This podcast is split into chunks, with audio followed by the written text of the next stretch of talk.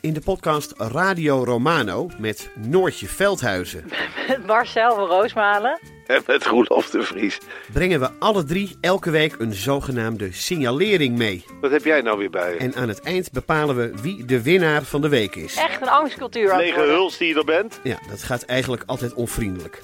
Luister nu naar Radio Romano bij Podimo. Via podimo.nl slash Radio Romano luister je 30 dagen gratis.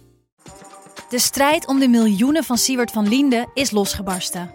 Zowel de staat als zijn stichting eisen de mondkapjeswinst terug. Maar dat die opbrengst in ieder geval niet thuis hoort bij Van Liende, daarover kan toch eigenlijk geen twijfel bestaan. Hoe kon het zo ver komen? Dit is het. We hebben beet. En als Siewert het geld teruggeeft, kunnen wij dit schandaal dan eindelijk loslaten? Je hoort het in de Mondkapjesmiljonairs, exclusief bij Podimo. Ga naar podimo.nl slash mondkapjes.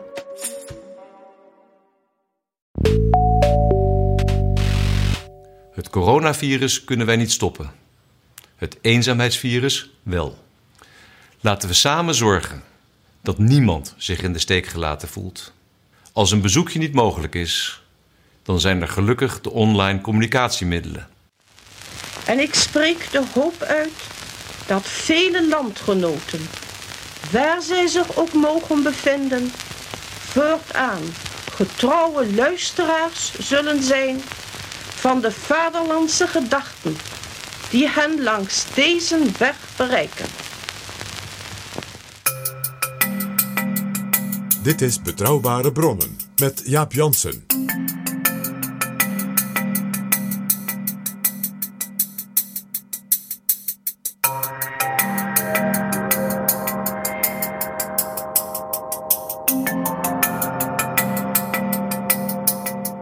Hallo, welkom in Betrouwbare Bronnen, aflevering 95. Welkom ook PG. Dag Jaap. PG, in de vorige aflevering van Betrouwbare Bronnen bespraken we naar aanleiding van de speech, de televisiespeech van Mark Rutte over de coronacrisis en wat, we, wat ons allemaal te doen staat als Nederlanders. Een aantal historische speeches uit de wereldgeschiedenis. Dat begon bij koningin Elizabeth I in Tilbury. Toen hadden we het over Franklin Delano Roosevelt, de Amerikaanse president die zijn fireside chats introduceerde. De eerste president die via de radio zeg maar, rechtstreeks communiceerde met de mensen. John F. Kennedy, die communiceerde via televisie. Zijn Man on the Moon speech. En we hadden het ook over George W. Bush na de verschrikkingen van 9-11. En je hebt ook nog eens wat nader ontleed de speech van Rutte en de inspiratie die hij daarbij gehad moet hebben van de eerdere grote televisiespeech in Nederland, Joop den Uyl tijdens de oliecrisis, zijn, een van zijn voorgangers als premier. En George W. Bush, die we bespraken in die aflevering, waar hij ook wat van geleerd had. En zelfs van FDR. En je vertelde aan het eind van de aflevering nog iets over een boek op het bureau van Mark Rutte. Jaap Jansen en Pieter Gerrit Kroeger duiken in de politieke geschiedenis. PG, er zijn nog veel meer dingen te vertellen over speeches in het verleden. Speeches op grote crisismomenten. Hè, daar focussen we ons op van dat een leidersfiguur voor de uitdaging staat om met één speech eh, of als daar een enorme verandering te realiseren of de gevoelens, de hoop, de angsten van mensen ja, in één keer te formuleren en als het ware misschien weer ten goede te keren. Ja. Zulke speeches. Misschien een gek voorbeeld, PG, maar uh, Paul Hane is via zijn YouTube-kanaal begonnen met Radio Oranje, noemt hij dat, om uh, het volk moed in te spreken. En hij ontvangt daar ook mensen. Uh, maar Radio Oranje is natuurlijk een geëikt begrip uit onze Nederlandse geschiedenis. Ja, daar sprak dominee Gremdaad niet. Uh, daar sprak onder andere Lou de Jong, de latere historicus het, van de Tweede Wereldoorlog. Ja, een journalist. Ja, die dus door een wonder gevlucht in de meidagen in Londen terecht kwam. En dus zeg maar, ja, als radioomroeper uh, dus aan het werk ging. Ja, er waren nog meer mensen daar die we later tegenkwamen. Bijvoorbeeld Joop Landré, de directeur van de TROS, die werkte ook in Londen bij Radio Oranje. En de beroemde romancier, misschien nu een beetje vergeten, maar die tijd zeker niet, Den Dolaert. A. Den Dolaert. Die schreef dus heel veel teksten. En de grote ster van Radio Oranje was natuurlijk koningin Wilhelmina. Ja. Hoe je dus als vorstin met Russisch bloed en een onmogelijk karakter dus en iemand uit de met een opvoeding uit de volstrekt uit de 19e eeuw. Dus in de modernste media, in de eerste ja, gigantische mondiale conflict uh, een ster worden. Geachte luisteraars, binnen en buiten het Koninkrijk der Nederlanden. Onze vorstin, Hare Majesteit Koningin Wilhelmina, zal aanstonds tot u spreken. Hiermede wordt ingeleid een geregelde radio-uitzending op dit uur van een Nederlands programma dat onder de auspiciën staat van de Nederlandse regering. Wij hebben deze uitzending Radio Oranje genoemd. En onder deze naam zal voortaan ons Nederlands kwartier van Nederlanders voor Nederlanders worden aangekondigd. Geachte luisteraars, Hare Majesteit de Koningin. Het verheugt mij bijzonder dat dankzij de welwillende medewerking van de Engelse autoriteiten dit Nederlandse kwartier in de uitzendingen van de Britse radio is ingelast. Hoe is dat ontstaan? Want eh, er was natuurlijk geen traditie van het land toespreken in Nederland. Nou, die was er wel al een beetje. Uh, maar dat was in hoge mate uh, in de crisistijd een soort charity toespraken zouden wij nu zeggen. Dus prinses Juliana deed dat wel. En ook de hoogbejaarde koningin Emma. De moeder van uh, koningin Wilhelmina. Die voor het Emma-fonds, het woord zegt het al. En andere dus liefdadigheidsdingen. Bereid was dus ook te spreken. Wat dus aangaf hoe modern Emma eigenlijk altijd al was geweest. Ja, Emma die ook uh, bijvoorbeeld het défilé op Soesdijk heeft geïntroduceerd. Ik zou heel graag een keer een, een betrouwbare ronde wijden aan deze hele bijzondere vrouw. Die wel eens een beetje vergeten lijkt. Wij gaan daar PG een gepast moment voor zoeken. Mooi zo. Haar dochter, Wilhelmina, was dus aangekomen in Londen. Ja. Zeer tegen haar zin. Want net als koningin Elisabeth I tegen haar troepen in Tilbury had zij gezegd: Ik wil naar de Grebbelinie en ik wil sneuvelen tussen mijn jongens. Zij wou net als Elisabeth het to lay my honor into the dust, als dat moet. Ja, zij had ook een, een stoere uitstraling, koningin Wilhelmina. Zeker, zeker. Uh, maar ze is dus eigenlijk min of meer uh, gedwongen te vertrekken. Toen is haar verteld, we gaan naar Zeeland, dan kunt u daar de strijd voortzetten. En uh, ze waren nog niet op zee of de Engelse commandant zei, nou ik heb uh, andere bevelen. Dus dat, ze is gewoon genept. En toen is ze dus naar Engeland gevaren. En ja, daar ondergebracht. Uh, en, en ja, de regering was daar ook. Een heel groot deel van al het goud van de Nederlandse bank was er. Laten we dat niet vergeten, we blijven Hollanders. En toen zijn ze zich maar gaan organiseren. En één ding was dus Radio Oranje.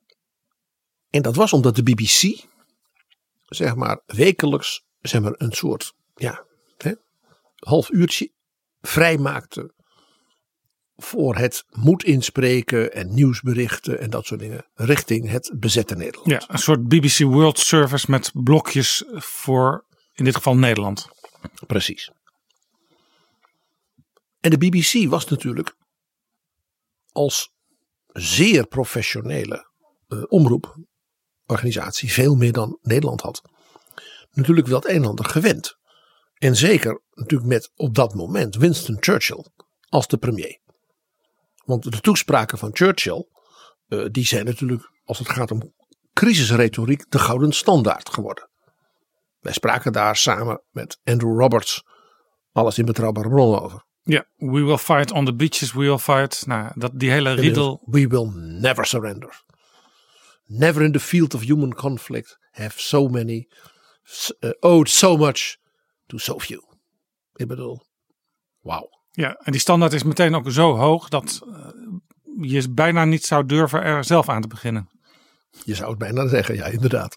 En waarbij wij in die vorige editie van Betrouwbare Bronnen al konden zien hoe Churchill ook van koningin Elisabeth I heel duidelijk zeg maar lijnen van denken en redeneren. En zelfs taal had zeg maar ontleend. Hoe had, hoe had Wilhelmina zich voorbereid? Uh, ja, Wilhelmina die kreeg de gelegenheid hè, bij dat BBC En die heeft dat dus gedaan. En dat is natuurlijk gedaan zoals het altijd in Nederland ging. De regering moest die tekst goedkeuren. Dus en we weten dat Wilhelmina niet heel makkelijk was in de omgang. Uh, dus dat was uh, niet eenvoudig. Dus de minister-president, was dat trouwens nog uh, de Geer? eind juli volgens mij formeel nog wel. Maar hij was natuurlijk al een beetje op een zijspoor. Ja, want die, die had een beetje rare opvattingen en die wilde eigenlijk zelf ook niet meer. Hè? Nou, hij dacht dat hij uh, midden dus in de Blitz, de bombardementen van Londen, want daar hebben we het over, juli, augustus 1940, dat hij naar zijn kinderen op vakantie kon in hun villa in Zwitserland. Hoe hij vanuit Londen naar Zwitserland had gewild. Nou, via Lissabon, want het was neutraal, dan kon je daar. Ja. Dat was toch nou, naïef, is nog zacht uitgedrukt. Ja. En net als nu kon je ook helemaal, helemaal niet meer makkelijk het vliegtuig in en uitstappen. Sowieso al niet in die tijd. Dat was alleen voor de absolute elite en het was oorlog. Dus, nou goed. Uh, de Geer was snel weg, zoals dat heet. En na hem kwam Sjoerd Gebrandi. Een, een, iconische minister-president in onze geschiedenis. En die kon haar dus wel uh, begeleiden bij deze speeches. Ja, en die kon haar ook aan. Wat op zichzelf natuurlijk een, een prestatie op zich is. Op 28 juli sprak Wilhelmina dus voor het eerst in het kader van wat toen dus Radio Oranje werd genoemd, via de BBC tot Nederland. En zij deed toen niet wat je misschien van een modern staatshoofd zou verwachten, zich verantwoorden voor wat er de voorbije weken is gebeurd. Nee, Wilhelmina, die zette haar aanwezigheid in Londen en die hele oorlog in een krachtig, historisch en zeer spiritueel kader. Want wat er nu was gebeurd, dat was helemaal niet nieuw. Dit had ons land meegemaakt en gemaakt in de 16e eeuw. Dit was de strijd om de geestelijke vrijheid en de politieke vrijheid en om het geloof tegen Spanje en Habsburg. En dit waren waarschijnlijk ook dingen die kinderen op school nog leerden in die tijd. Zeker. Dus iedereen begreep het beeld. En zeker protestant Nederland. Uh, daar was dit natuurlijk, uh, ja, gefundenes fressen, om maar zo te zeggen. Dat was de nationale mythe. En Wilhelmina deed dus de mantel aan van Willem van Oranje, de vader des vaderlands. Gewoon in haar allereerste toespraak. Ze heeft die naam niet één keer genoemd in die speech. Ook heel interessant. En dat hoefde dus ook niet, want het lag eronder. Het lag er dik bovenop ook. Zij sprak dus in bijna filosofische, uh, uh, bijna ook theologische zin tot de Nederlanders in moeilijke lange zinnen. Maar met hele, soms vlammende beelden en ook vlammende taal. Ja, zij had dus niet de gave van het woord in die zin dat ze dat er woorden erin gingen als uh, Gods woorden in een ouderling. Want je zegt het waren lange, moeilijke zinnen. Maar ook vlammende taal. Dus het ging er wel in. Maar in een stijl die wij natuurlijk nu niet meer gewend zijn. Maar het was natuurlijk ook gewoon een tijd, uh, haar, hele, haar hele leven eigenlijk van uh, plechtstatigheid, formaliteiten. En geen volkse terminologieën. Het is echt anders dan nu. En dat maakt het dus ook des te interessanter vind ik natuurlijk als historicus om dan te kijken van waar, wat zit daar nou in? Wat herken je? Hè? Dus bijvoorbeeld dus dat, hè, dat die, die, nationale legende, dat kleine volksje dat om zijn vrijheid en voor, om de godsdienstvrijheid streed tegen dat machtige Spanje. Net als koningin Elisabeth I tegen de Armada. Een vrouw die daar staat als één brok. Dat deed Wilhelmina dus ook. Ja. Misschien leuk om even iets daarvan, die eerste toespraak, te laten horen. Gelukkig zijn daar opnamen van. Koningin Wilhelmina op 28 juli 1940. Bij deze oorlog gaat het erom aan de wereld den waarborg te geven dat zij die het goede willen niet belet worden dat tot stand te brengen. Zij die menen dat geestelijke waarden die de mensheid zich heeft verworven door de scherpte des zwaards kunnen worden vernietigd, moeten de ijdelheid daarvan leren beseffen. Ruw geweld is niet in staat een volk zijn overtuiging te ontnemen.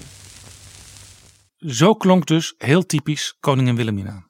En hier hoor je bij die bijna spirituele kant, geestelijke waarde die men zich heeft verworven. En dan komt die geweldige one-liner. Ruw geweld is niet in staat zijn, een volk zijn overtuiging te ontnemen. Dat kon je zo op een, op een poster zetten. Ja, en daar kon je dus ook wel een hele tijd op vooruit. Ergens in Nederland uh, aan het werk of in een schuilkelder. Of ja, in afwachting van al het ellendige wat nog moest komen. Wat op dat moment natuurlijk allemaal nog in het duister was gehuld. Ja. En dan komt de passage. Dat is een hele lange ingewikkelde zin, dus ik ga hem wat duiden voor de luisteraar. Waarin zij dus één op één zichzelf dus vereenzelvigt met Willem de Zwijger. de oervader van haar Huis van Oranje, zoals zij dat zag. En dus het Nederland van 1940 met het Nederland van de 16e eeuw. Dan zegt zij, in die tijd nog wapengeweld, nog de vlammen van de brandstapel, nog verarming en lijden konden onze vrijheidszin, onze gewetensvrijheid en onze geloofsvrijheid ooit uitroeien. Bingo. De brandstapel, nou dan weet je dus, en het wapengeweld, hè, Alva die al die steden belegerde, en onze, vrijheids, onze vrijheidszin, onze gewetensvrijheid, onze, je hoort ze al, hè? vrijheidszin, gewetensvrijheid, geloofsvrijheid. Dus zij framed, zouden wij nu zeggen, de overval van Hitler-Duitsland op Nederland als een hereditie van Alva, die hè, Haarlem belegerde. Ja. En al die steden en van Alkmaar kwam de victorie. Ja. Dat zit er ook al in. En zoals vrijheids... Nimmer uitroeien. Ja. Die gedanken zijn vrij, zeggen vrijheidslievende Duitsers ook wel. Dat is een beroemd Duits gericht uit de 19e eeuw. En dan komt er nog iets. Dat is echt ongelooflijk. Is haar eerste toespraak. Ze vereenzelvigt dus het Nederland van dat moment met het Nederland van de 16e eeuw. En van daaruit haalt zij iets tevoorschijn. In de meteen volgende zin. Zij zegt dan, ik ga het voorlezen met enige zeg maar, modernisering in die moeilijke zinnen. Zo houd ik mij overtuigd. Niet ik ben, nee, ik houd mij overtuigd. Dat ook in het huidige tijdperk wij en allen die zo denken als wij, tot welk volk zij ook mogen behoren, gesterkt en gelouterd zullen herrijzen. In alles wat hen en ons heilig is. Dus zij zegt, het is echt 28 juli, wij gaan winnen. En dan komt er een nog mooier Nederland. En een mooiere wereld van iedereen die denkt zoals wij, namelijk vrijheidszin, gewetensvrijheid, geloofsvrijheid. Ja, en ook uh, er is ruimte voor iedereen, hè? want ze zegt tot welk volk zij ook mogen behoren. Precies. Ook dat was voor een koningin van een protestant land, zoals zij, zij zich daar zag, natuurlijk uitzonderlijk. Dit deze strijd was dus een spirituele strijd. met wapens, met alles. Maar zoals tegen Alva ja, en de armada met koningin Elisabeth. Het was een spirituele strijd. En dat leidt tot een werkelijk onvoorstelbaar slot van die speech. Letterlijk onvoorstelbaar. Want terwijl dus de, de, de, de Luftwaffe ja, bommen uitgooide over Londen. En Churchill alleen stond. Is Wilhelmina volkomen onschokbaar optimistisch. En dat heeft ook te maken met die spirituele kant. Zij geloofde in alle betekenis van het woord. Dat God het zou goedmaken zoals hij dat met Willem de Zwijger ook had gedaan. Ja, dus is een beetje raar vergelijken misschien, maar als Mark Rutte wel eens de positivo wordt genoemd, was zij dat in zekere zin ook maar door haar spiritualiteit. Ja, maar dit was dus veel meer dan positivo. Zullen we dat slot even horen? Laten we even luisteren. Ik wek mijn landgenoten in het vaderland en overal waar zij zich bevinden op om, hoe donker en moeilijk de tijden ook zijn, te blijven vertrouwen in de eindoverwinning van onze zaak, die niet alleen sterk staat door de kracht van wapenen, maar niet minder door het besef dat het gaat om onze heiligste goederen. Ik heb gezegd. Ik heb gezegd, ja, dat is. Prachtig, hè? Dat is dus van, echt van vroeger. Dat was een toespraak alsof zij uh, uh, zeg maar een lint ging knippen. Zij leefde dus, dus die toespraak. Het grappige is, zij spreekt dus tot die microfoon in Londen. En vergeet min of meer dat ze in Londen is. Maar het is alsof ze staat echt, zeg maar, in, uh, in Gor Gorkum. En zij opent het monument voor Willem de Zwijger. En knipt dan die lint door. Ik heb gezegd. en daarom, het grappige is, het is dus ook heel echt. Hierdoor. Het is volkomen authentiek. Maar het is toch niet te geloven. Ik wek mijn landgenoten in het vaderland en overal waar ze zich bevinden. om te blijven vertrouwen in de eindoverwinning van onze zaak. Niet van we gaan misschien nu een paar keer ook nog weer wat betere militairen. Nee, de eindoverwinning. Het is, het is. Vandaar dat ik zei, je moet het haar zelf horen zeggen. Het is ongelooflijk wat ze zegt. Want ze zegt niet alleen dat die eindoverwinning, die is voor haar dus überhaupt geen discussie. Nee, die staat vast. Ja, uh, zou bijna, zo, ik kon van de middeleeuwse paus zeggen, Dieu le veut. God wil het. Ja. Maar ze heeft ook nog een argument. Die eindoverwinning is niet omdat we sterk staan door de kracht van wapenen alleen. Maar vooral door het besef dat het gaat om onze heiligste goederen. Dit is een term uit de 19e eeuw. Onze heiligste goederen. Ja. Dus dat wat wij het aller, allerbelangrijkste vinden, dat is heilig. En dat zijn dus, ik kom erop terug, vrijheidszin, gewetensvrijheid en geloofsvrijheid. Waarvan ze zegt, iedereen die zo denkt, gaat met ons samen winnen. Ik heb gezegd. het was natuurlijk ook wel een, mag ik, ik mag het ook niet zeggen. Het was natuurlijk ook wel een taart hoor, die Wilhelmina. Ze had natuurlijk ook niet voor niks zo'n reputatie. Het zou mooi zijn als we de, de, de gesprekken voorafgaand aan zo'n speech met Pieter Schutz Brandi zouden kunnen teruglezen. Ja. Nou, we weten uit de dagboeken van de minister van Buitenlandse Zaken, van Kleffens, uh, hoe zij zich dus echt ook onmogelijk kon gedragen. Ook vanuit dus deze, dit naturel. Uh, bijvoorbeeld als ze op het Witte Huis was. Een beetje een houding van ja, maar ik heb toch gewoon gelijk.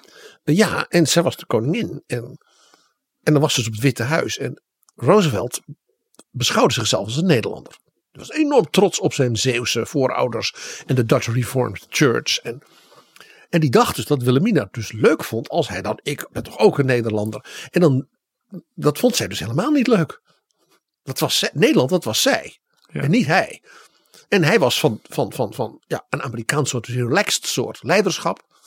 Dus, dus, dus dat leider was een merkwaardig soort gespannen relatie tussen die twee. Omdat hij dacht dat het leuk was om eraan te herinneren dat hij een Nederlander was. Ja, en dat, vind, dat vinden we trouwens nu tegenwoordig wel leuk als we Piet Hoekstra zien. Eh, de ambassadeur van de Verenigde Staten in Den Haag. Die ook Nederlandse wortels heeft en af en toe ook een woordje Nederlands in zijn teksten verwerkt. En het ook leuk, het ook zelf leuk vindt. Er trots op is dat hij daar vandaan is. Nou, Wilhelmina die kon daar dus wat moeilijk mee omgaan. Zoals ze met veel dingen moeilijk om kon gaan. Wat ook interessant is in deze speech.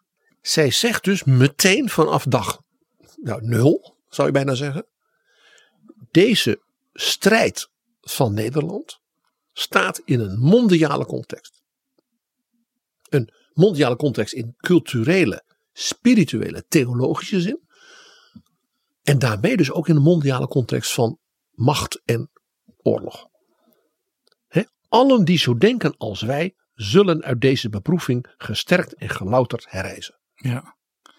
Eh, Er waren natuurlijk in die tijd, eh, zeker toen, geen opiniepeilingen, maar maakten haar woorden indruk in Nederland? Dat heeft even geduurd. Dan laat ik, het zeggen, laat ik het netjes zeggen. Er was in Nederland op dat moment eh, toch ook een vrij sterk gevoel van we zijn in de steek gelaten. Want de, de, de koningin en haar gezin waren vertrokken. En de regering. Het heeft geduurd voordat echt doordrong dat daarmee zeg maar, een legitiem Nederland nog altijd er was en ooit terug zou kunnen komen.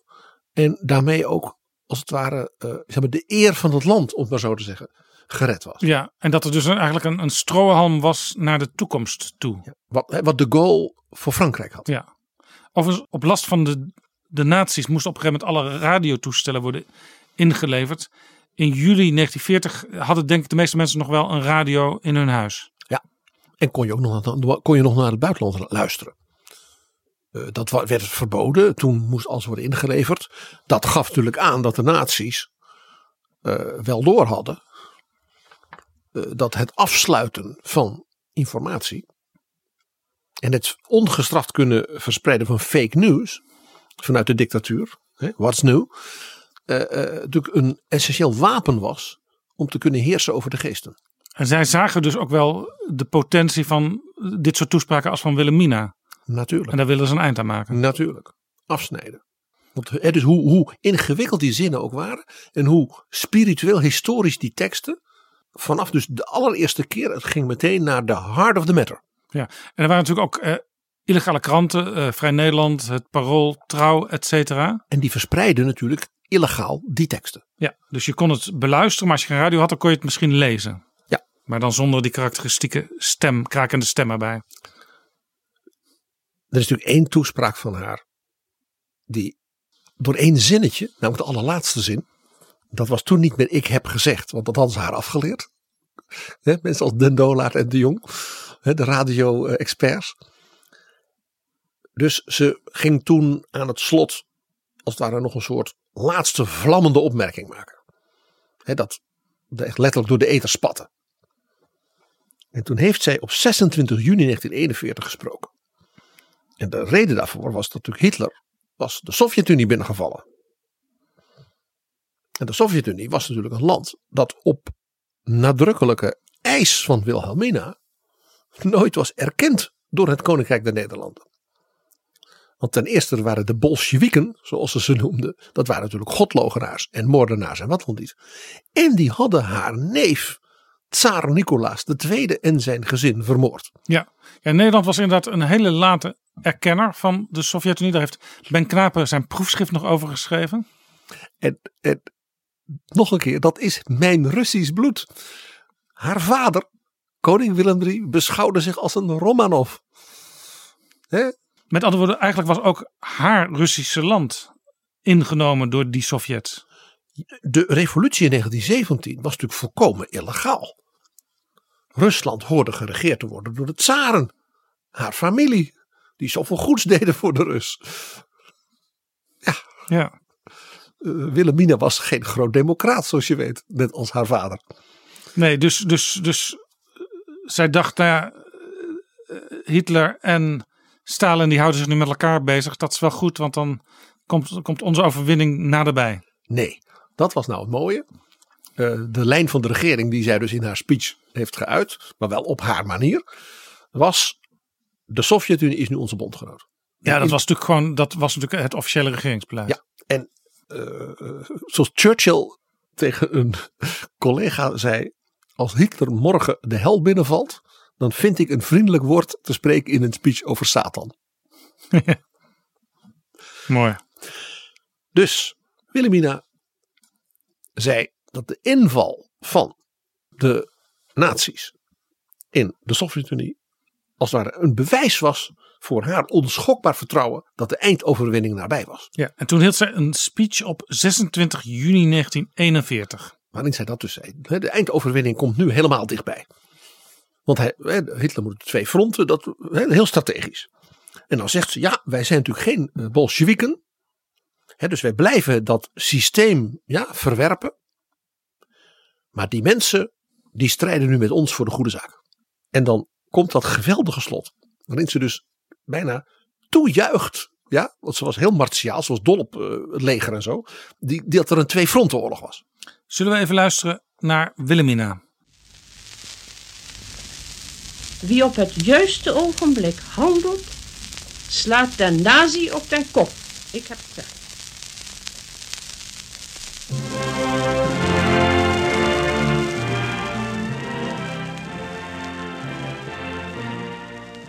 Zo, zij heeft gezegd. Ja, ze had het weer even mooi gezegd. Die laatste regel is natuurlijk eh, eh, de martiale Wilhelmina ten voeten uit. En ook dus opnieuw dat bijna fysieke vertrouwen in nog even en we hebben gewonnen. Ja. Wie op het juiste ogenblik handelt, slaat de natie op den kop. Want moest natuurlijk wel in co- correct eh, grammatisch En Nederlands. ze brengt het grote ook weer terug eh, naar het kleine en andersom. Inderdaad. Je kunt het gewoon zelf toepassen vandaag al op straat, bij wijze van spreken. Eh, zoiets. En zij zag dus in Stalin een hamer waarmee ze kon, kon slaan. En verder was natuurlijk een Bolshevik. Die had meegeholpen aan de verschrikkelijke moord op haar familie. Hoe lang hebben die speeches geduurd? Eh, zijn die de hele oorlog door eh, Ja. ble- ble- ble- blijven galmen vanuit Londen? Ja, dat is een hele serie. Dit is Betrouwbare Bronnen. Dan heb je een heel ander voorbeeld. Uit een hele andere tijd ook. Ja, eh, precies 25 jaar daarna. Uit een heel ander land. Eh, met één wat ingewikkelde, maar niet helemaal onlogische overeenkomst. Namelijk een persoonlijkheid eh, die net als Wilhelmina in alle opzichten larger than life was. Eh, in vele opzichten volstrekt onmogelijk. En net als Wilhelmina een soort onverwoestbaar geloof had in dit gaat lukken. En dan hebben we het over president Lyndon Baines Johnson. En nog een overeenkomst. Het ging hen allebei om vrijheid als einddoel. Ja, helemaal. LBJ, 15 maart 1965. Die speech live op de televisie vanuit het congres. Dus het huis, de senaat, de opperrechters. Hè, iedereen, corps diplomatiek, de first lady. Die zaten er allemaal. En hij sprak net na zijn inhuldiging als president. Eind januari. Toen had hij zelf de verkiezingen gewonnen. Nadat hij daarvoor. Nou, Het van Kennedy had overgenomen na de moord op Kennedy. Precies. En nu was hij dus president op zijn eigen mandaat. En hij spreekt enkele dagen na een roemrucht moment in de Amerikaanse geschiedenis. Namelijk de ontruiming van de brug bij het stadje Selma in Alabama. Waar een grote demonstratie was voor de burgerrechten van de zwarte bevolking. En ook blanke idealisten die de zwarte bevolking steunden. En die wilden in Selma demonstreren voor gelijkheid en tegen de burgemeester. Ja, daar zijn documentaires over. Er is ook een, een eigenlijk wel huiveringwekkende film over gemaakt. En bij de rivier aangekomen, waar een grote brug over was, en zo kwam je Selma binnen. En de chef van de politie, dat was natuurlijk een, iemand van de rassenscheiding, en dus onaardig gezegd een democrat. Ja, gekozen ook door de bevolking. Natuurlijk, en de burgemeester ook. En de, de gouverneur van Alabama was George Wallace, wel bekend. En die stonden daar dus, ja, tot de tanden gewapend. En die zeiden, die komen niet binnen. Waarop de demonstranten zeiden, ja, maar wij zijn in een vrij land, wij mogen. Vrijheid van demonstratie. Want wij zijn eh, volkomen geweldloos. Nou, als je, de, als je die film, dan zie je dus eh, eh, naar de boeken en de documentaires en de herinnering van de mensen, dat ze dus toen allemaal op hun knieën zijn gaan bidden en gospels zingen. om te bewijzen. Wij zijn volkomen geweldloos. Nou, dat leidde dus tot een enorme matpartij, om het maar eens even goed Nederlands te zeggen.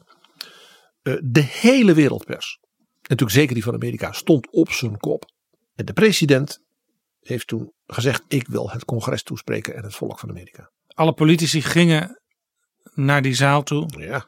Alle camera's stonden daar. Alle tv-stations uit de Uh, hele wereld. De hele wereld, want uh, door de technologische vooruitgang waren er bijvoorbeeld ook inmiddels allerlei Nederlandse televisierubrieken die ook allemaal daar naartoe gingen. En met dank aan LBJ, die als vicepresident de ruimtevaart coördineerde, waren dus ook allemaal televisiesatellieten. En was onder andere dus de begrafenis van JFK via de satelliet te zien geweest in de hele wereld.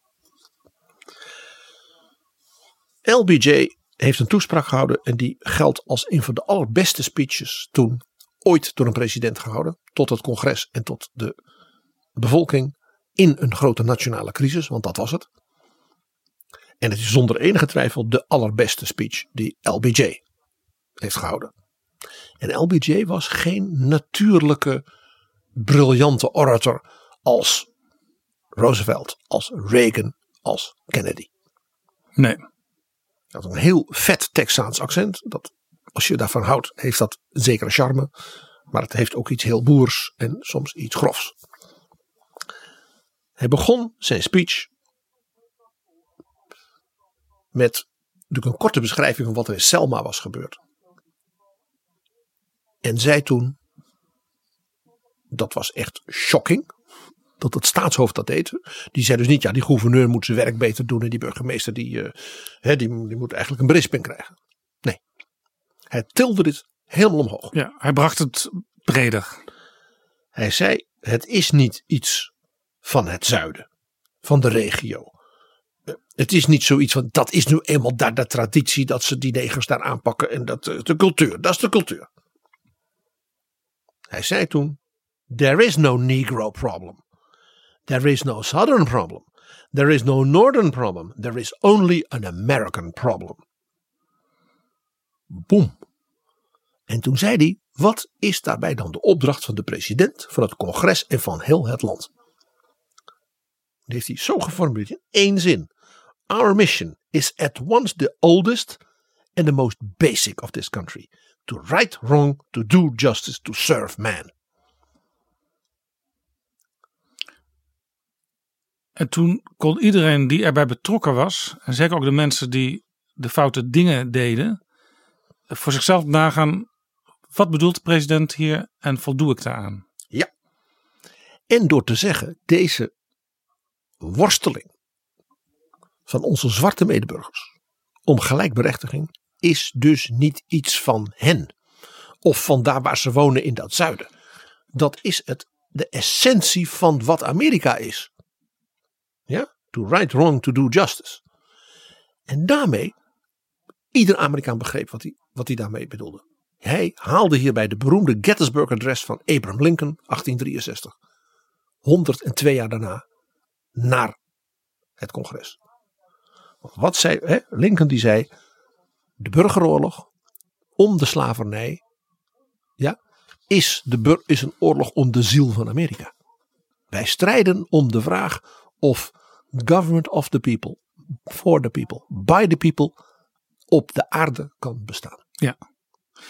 Dat is de slotzin van die toespraak. Iedere Amerikaanse scholier leert die op school uit zijn hoofd. Want hij is namelijk heel kort.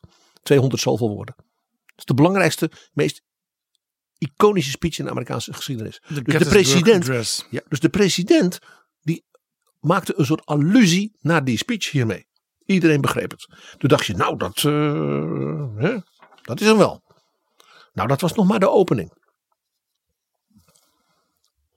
Deze speech is een optelsom van mokerslagen in verbale zin.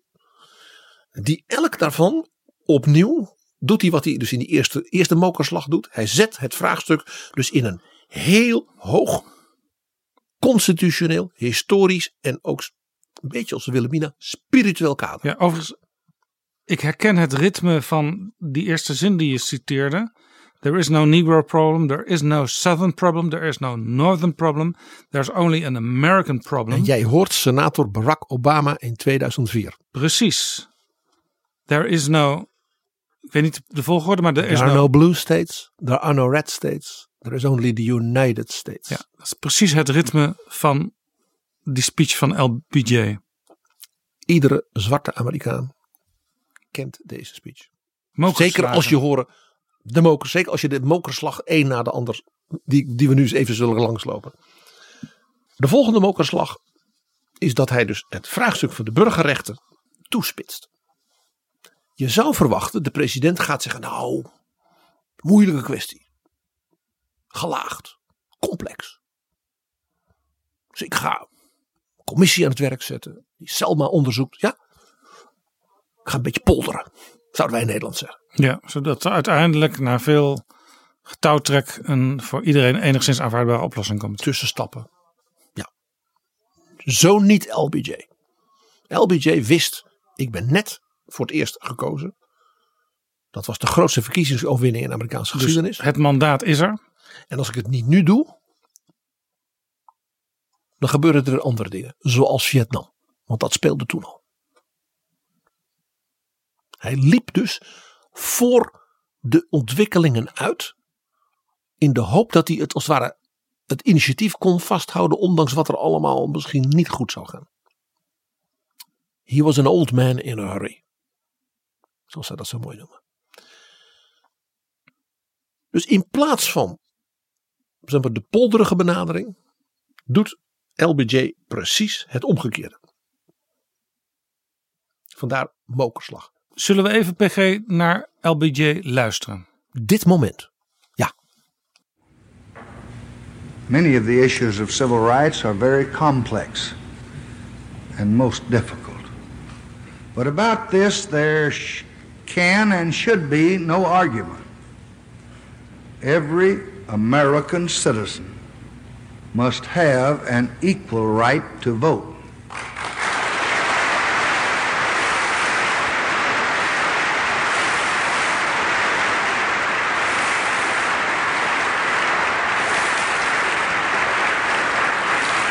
There is no reason which can excuse the denial of that right.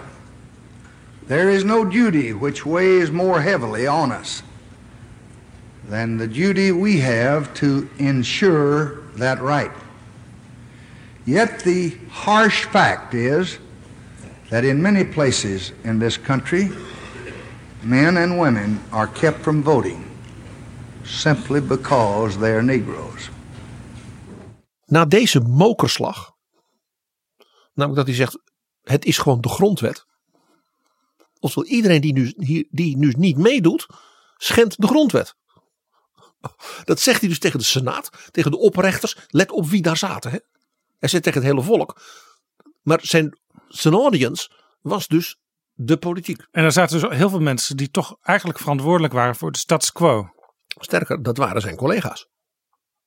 Dat zal straks in de speech blijken. Want ook dat, hij gaat echt gewoon als een stoomwals in prachtige taal. Dick Goodwin is de, de auteur van die speech. Maar hij gaat als een stoomwals er doorheen. Ik heb gezegd mokerslag na mokerslag. Hij zegt dan ook tegen die mensen, die dus voor hem zitten. Wij hebben een eed gezworen voor God to support and to defend this constitution. We must act now in obedience to that oath. U gaat nu doen, gehoorzaam aan deze eed. Ja, so help me God. Dit is echt heel stevig. En dan bijna droog. Woensdag stuur ik een wet naar het congres dat alle illegale barrières voor het recht op stemmen zal wegnemen. Dit was echt, ik heb gezegd. Nou, dit was nog maar het begin. Dat begrijp je. De Senaat, de gouverneurs, de leden van het Huis van Afgevaardigden, die wisten dus, duiken kan niet meer. Een man van het zuiden, een man van Texas, waar ze de rassenscheiding ja, met Texaanse hardheid hadden Ja. doorgevoerd. Dus extra dapper voor zo'n democraat. Van een democrat uit het zuiden. Weet je wat nog wat de leuze daar was? Segregation now, segregation forever. Dat was de leus. Ja. En hij zegt: Ik zet jullie het mes op de keel namens God en de grondwet. Want ik ben de president. Je moet maar durven. Volgende mokerslag. Want je denkt, ja, dat is allemaal wel mooi, maar uh? Daar moeten we toch even politiek over kunnen discussiëren. Over Ja. de interpretatie van de grondwet. Ja, want dat is, dat in Amerika altijd het grote punt. Hoe moeten wij de grondwet uitleggen? Ehm, de president ging gewoon door. There is no constitutional issue here. The command of the constitution is plain. Maar hij gooit er nog één bovenop, want dat doet hij in dit hele speech. Hè? There is no moral issue. It is wrong, deadly wrong, to deny any of your fellow Americans the right to vote. En dan zegt hij: Het is helemaal niet aan de orde dat we dan de komende acht maanden hoorzittingen gaan doen. En dit en dat. Ik zei Old man in a hurry. We gaan niet wachten tot die wet er dan in de volgende zitting van de Senaat, eh, de vierde commissie, dan wordt hij ook lam gelegd. Hij kende natuurlijk alle trucs als oud-senator. En dan komt die ongelofelijke zin. Waarvan ik zeg, laat die even horen. We cannot, we must not refuse to protect the right of every American to vote in every election that he may desire to participate in.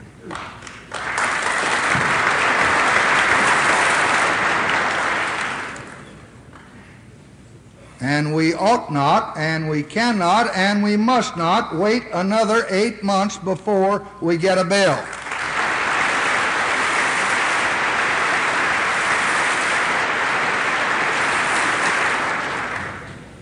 We have already waited a hundred years and more, and the time for waiting is gone.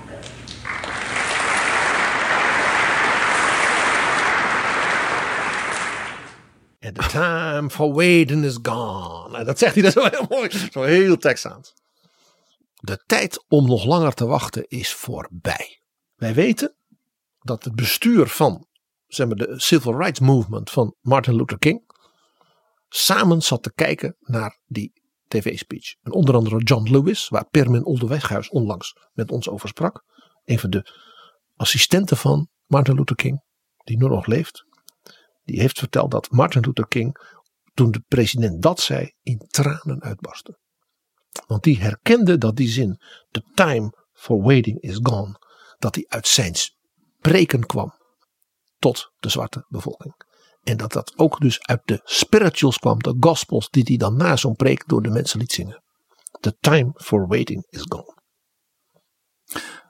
En de parlementariërs die natuurlijk hun rechten hadden, legden die zich daarbij neer? Want het moest dus allemaal snel, snel, snel. Uh, ja, dat was duidelijk dat dat president dat van plan was. En je raadt het al, de volgende mokerslag kwam. Ja, we zijn nog lang niet klaar met deze speech. Dat merk je wel.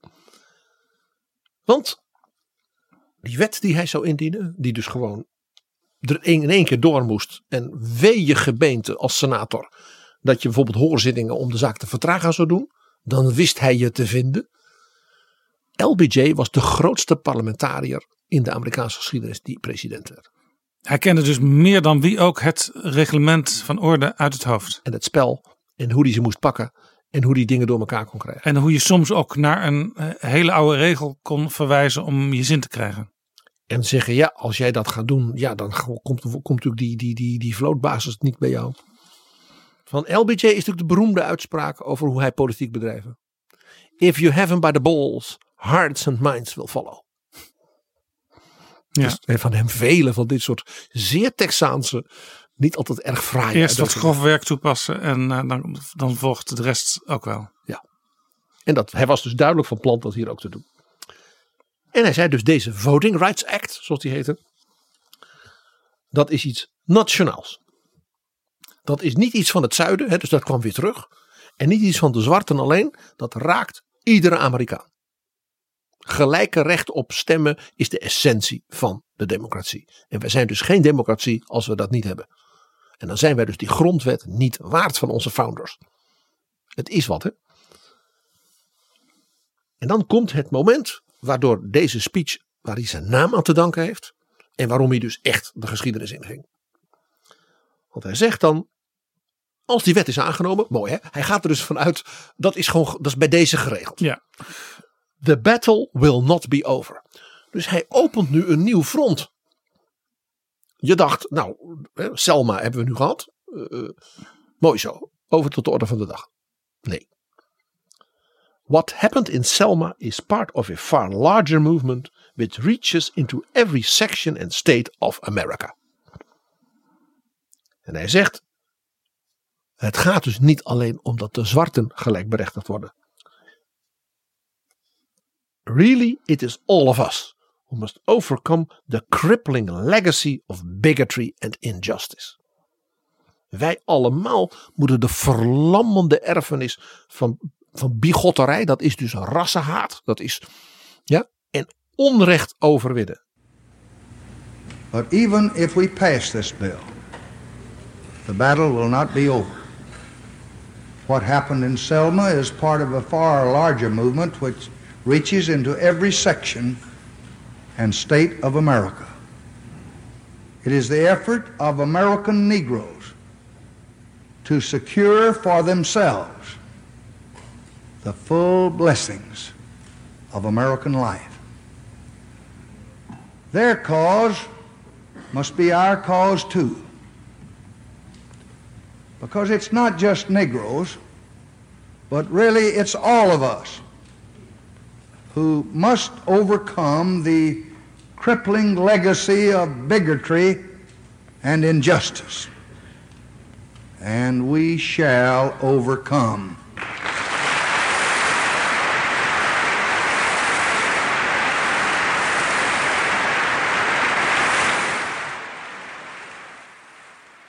Staande ovatie voor de president.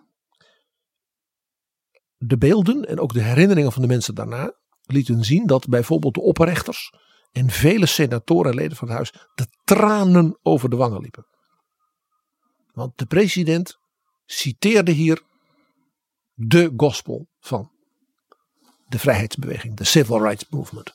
We shall overcome, we shall overcome someday.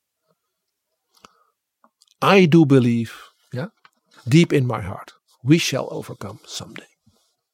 He, dat zongen dus die duizenden mensen die dan demonstreerden met Martin Luther King. He, die beroemde demonstratie he, van I have a dream. Dat zongen ze. Had het hem in de loop van de tijd ook moeite gekost om zover te komen? Want hij was natuurlijk die democraat uit het zuiden. Hier raak je een heel belangrijk punt. Want je zou denken, nou na dit, die speech is wel klaar. Wel nee. Volgende mokerslag. Dat ging hierover. De president deed iets unieks in de geschiedenis. Hij vertelde over wat dit was voor iemand zoals hij uit Texas.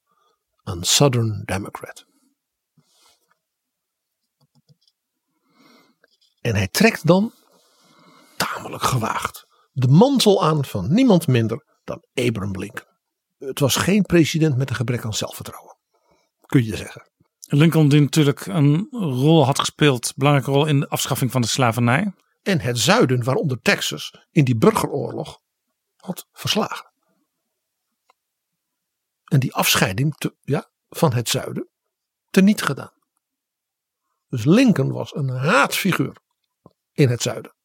Altijd geweest. Johnson zei toen, als iemand waarvan de wortels diep in de grond, de bodem van het zuiden gaan, weet ik hoe verschrikkelijk rassengevoelens zijn, racial feelings. I know how difficult it is to reshape the attitudes and the structure of our society. Maar een eeuw is voorbij, meer dan honderd jaar, sinds de neger was bevrijd.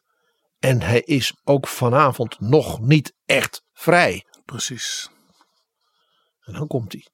Het was meer dan 100 jaar geleden dat Abraham Lincoln, een groot president van een andere partij, de emancipatieproclamatie tekende. Maar die bevrijding is een proclamatie en niet een feit. Het is niet meteen de werkelijkheid op zo'n moment. A century has passed more than a hundred years since equality was promised. And yet the Negro is not equal. Een eeuw is voorbij gegaan sinds die dag van de belofte. En die belofte is niet gehouden. En dan komt er weer zo'n zin hè, waar hij zo goed in was. The time of justice has now come. Ja, je moet het eigenlijk met het vetste Texaanse accent, wat ik helaas niet zo goed kan. The time of justice has now come. En dan komt hij met, je raadt het al, zijn volgende mokerslag. Het houdt niet op. Nee, hij zegt, wil je dus justice en die American promise. Want hij heeft zelf zijn speech genoemd, speech on the American promise. Maar zo is hij niet de geschiedenis ingegaan. Het leuke is, dat was voor hem dus het belangrijkste. Die belofte moet worden waargemaakt. Ja, en daarom moet er nu gerechtigheid geschieden. Eigenlijk de, de belofte, zeg maar, de, wat we ook al de Amerikaanse droom noemen. Uh, je kunt van een dubbeltje een kwartje worden. Je kunt alles wat je wil bereiken in Amerika. Want Amerika is een vrij land. Als je maar genoeg je best doet, dan kom je ergens. Hij legde heel erg de nadruk op. Dat is nog steeds niet voor iedereen weggelegd. En dat ga ik nu. Dat gaan wij nu samen. En we hebben geen minuut te verliezen. Gaan we dat nu definitief maken. En daarmee voor teruggrijpend niet alleen op Lincoln, maar op zijn leermeester, door hem vereerde Franklin Delano Roosevelt. Together we cannot fail. Dit is puur FDR. Dus dat idee van die promise and justice, en dat vertaalt hij dan in een enorm programma dat maar met één ding te vergelijken is: de New Deal.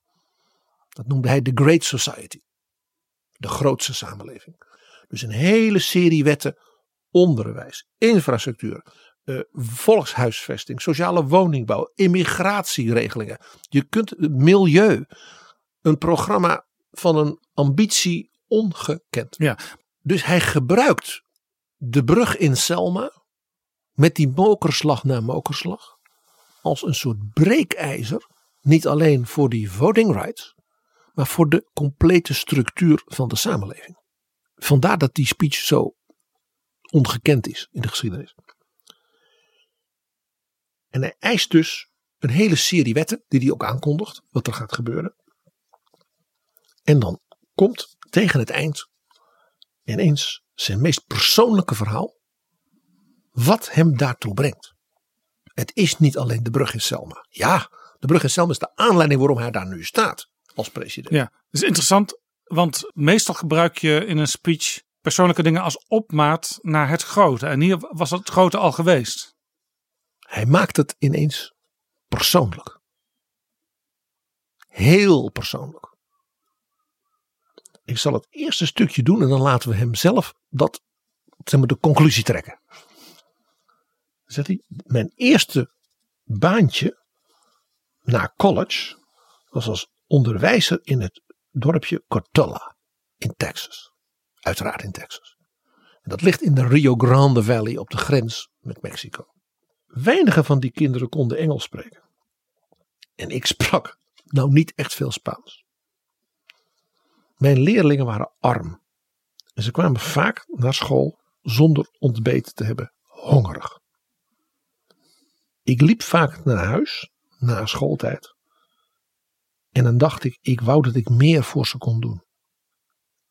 En dan komt die zin. Somehow you never forget what poverty and hatred can do when you see it, its scars on the hopeful face of a young child. Hele mooie zin. En dan komt die slotpassage waarin je dus in één sprong van die jonge leraar in die basisschool in dat dirt poor in 1928. 1928 naar 1965 de man die staat voor het congres. LBJ. I never thought then in 1928 that I would be standing here in 1965. It never even occurred to me in my fondest dreams that I might have the chance to help the sons and daughters of those students and to help people like them all over this country. But now I do have that chance. And I'll let you in on a secret. I mean to use it.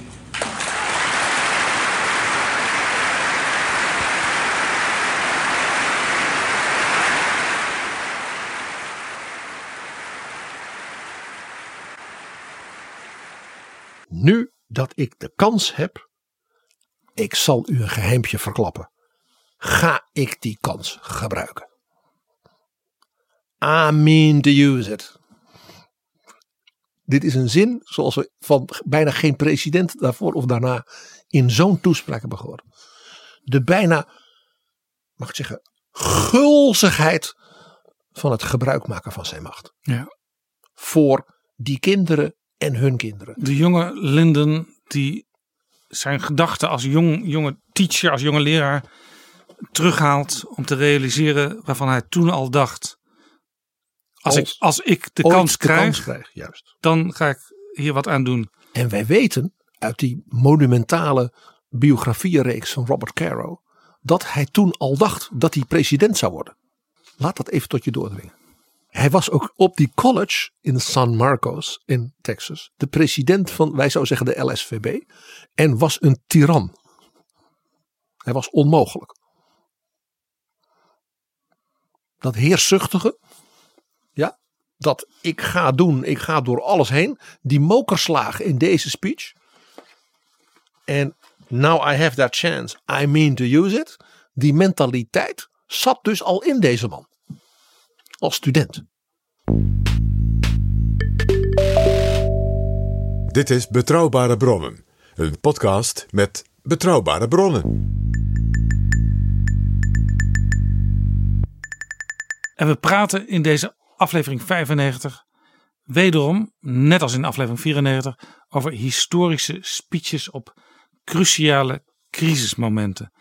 We hadden het net over Lyndon Baines Johnson en we gaan nu een sprongetje maken naar de jaren 70. We komen terecht in 1978, PG.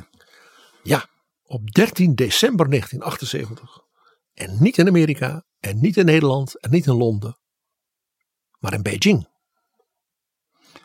Peking hoor ik trouwens heel veel eh, China-correspondenten tegenwoordig weer zeggen. Mag dat weer? Zo zie je maar. En wij gaan naar een voorbereidende conferentie van de partijtop van de Chinese Communistische Partij. Die dus de, zeg maar, de besluiten moest voorbereiden voor het derde plenum van het elfde Centraal Comité van die partij. Dus je hoort al de bureaucratie van een dictatuur. Ja, en we weten uit eerdere afleveringen van Betrouwbare Bronnen eh, dat onder Mao Zedong eh, heel veel gebeurd was en ook heel veel ja, dingen waarvan we nu eigenlijk zeggen, hoe is het in hemelsnaam mogelijk geweest uh, dat de leerlingen en de studenten weggestuurd werden van de scholen, van de universiteiten naar het platteland. Dat allerlei topmensen uit de partij verbannen werden. Hongersnood omdat Mao een hervorming had bedacht. En dat de dus landbouw waarbij 40 miljoen mensen omkwamen. Economisch allemaal volstrekt onlogische dingen gebeurden. En op die puinhopen kwamen we de jaren 70 binnen en werd het uiteindelijk 1978. Mao was toen twee jaar dood. De partij had, de communistische partij, hè, had dus zichzelf wat ja, herpakt. Uh, had uh, de beoogde opvolgers van Mao, namelijk zijn weduwe en haar aanhangers, gevangen gezet. De bende van vier. Ja. En uit de strafkampen dook weer op de man die het Chinese leger, de man die eigenlijk in China alle grote apparaten als premier, als vicepremier had georganiseerd. Hij was nauwelijks 1,50 meter lang, kettingroker en een ja, één gebundelde hoeveelheid energie en brieën, Deng Xiaoping. En die sprak aan het eind van die voorbereidende conferentie met als het ware zeg maar, de conclusies van wat gaan we nou neerleggen in die vergadering van het Centraal Comité. En dat was natuurlijk dan ook hè, in de piramide alles wat China zou bepalen. En hier zijn geen opnamen van? Nee. Dat was allemaal heel geheim. Het was achter de schermen? Dus die toespraak die hij daar hield, die wij nu gaan behandelen, is dus later gepubliceerd toen dus duidelijk was, dit is nu het aanvaarde beleid. En toen kwam dat naar buiten. Ja, dus wel officieel uiteindelijk met partijtoestemming gepubliceerd. En met die van Deng zelf. Hij zei: Wij moeten afscheid nemen van het verleden. Mao is dood. En daarmee is er dus een nieuwe tijd. Hij zei natuurlijk niet dat Mao fout was. Hè? Maar hij was wel dood. En dat was een nieuwe tijd. Dus het was ook een breuk. Hè, met dat Mao dacht dat hij ook na zijn dood. Hè, via zijn weduwe en die bende van vier. kon blijven doorgaan. Ja. En vaak wordt er dan ook gezegd: laten wij voortbouwen op de verworvenheden die aan hem te danken zijn. En dat was precies wat hij niet zei. Daarom dat deze speech zo, ja, zo ingrijpend was. Hij heeft toen gezegd: kijk, we zullen dus dingen moeten gaan verbeteren, veranderen en openen. En toen zei hij: de partij en de bonzen van de partij en de leden van de partij en dus heel China moet, en ik lees nu voor de vertaling het Engels van die speech, emancipate their minds, use their heads, seek the truth in the facts and look to the future together. Dus ze moesten hun geesten bevrijden, emanciperen. Ze moesten hun verstand gebruiken. Ze moesten de waarheid in feiten zoeken en samen naar de toekomst kijken. Elk van die vier dingen was dus een volstrekte wegtikken van dus de ideologie.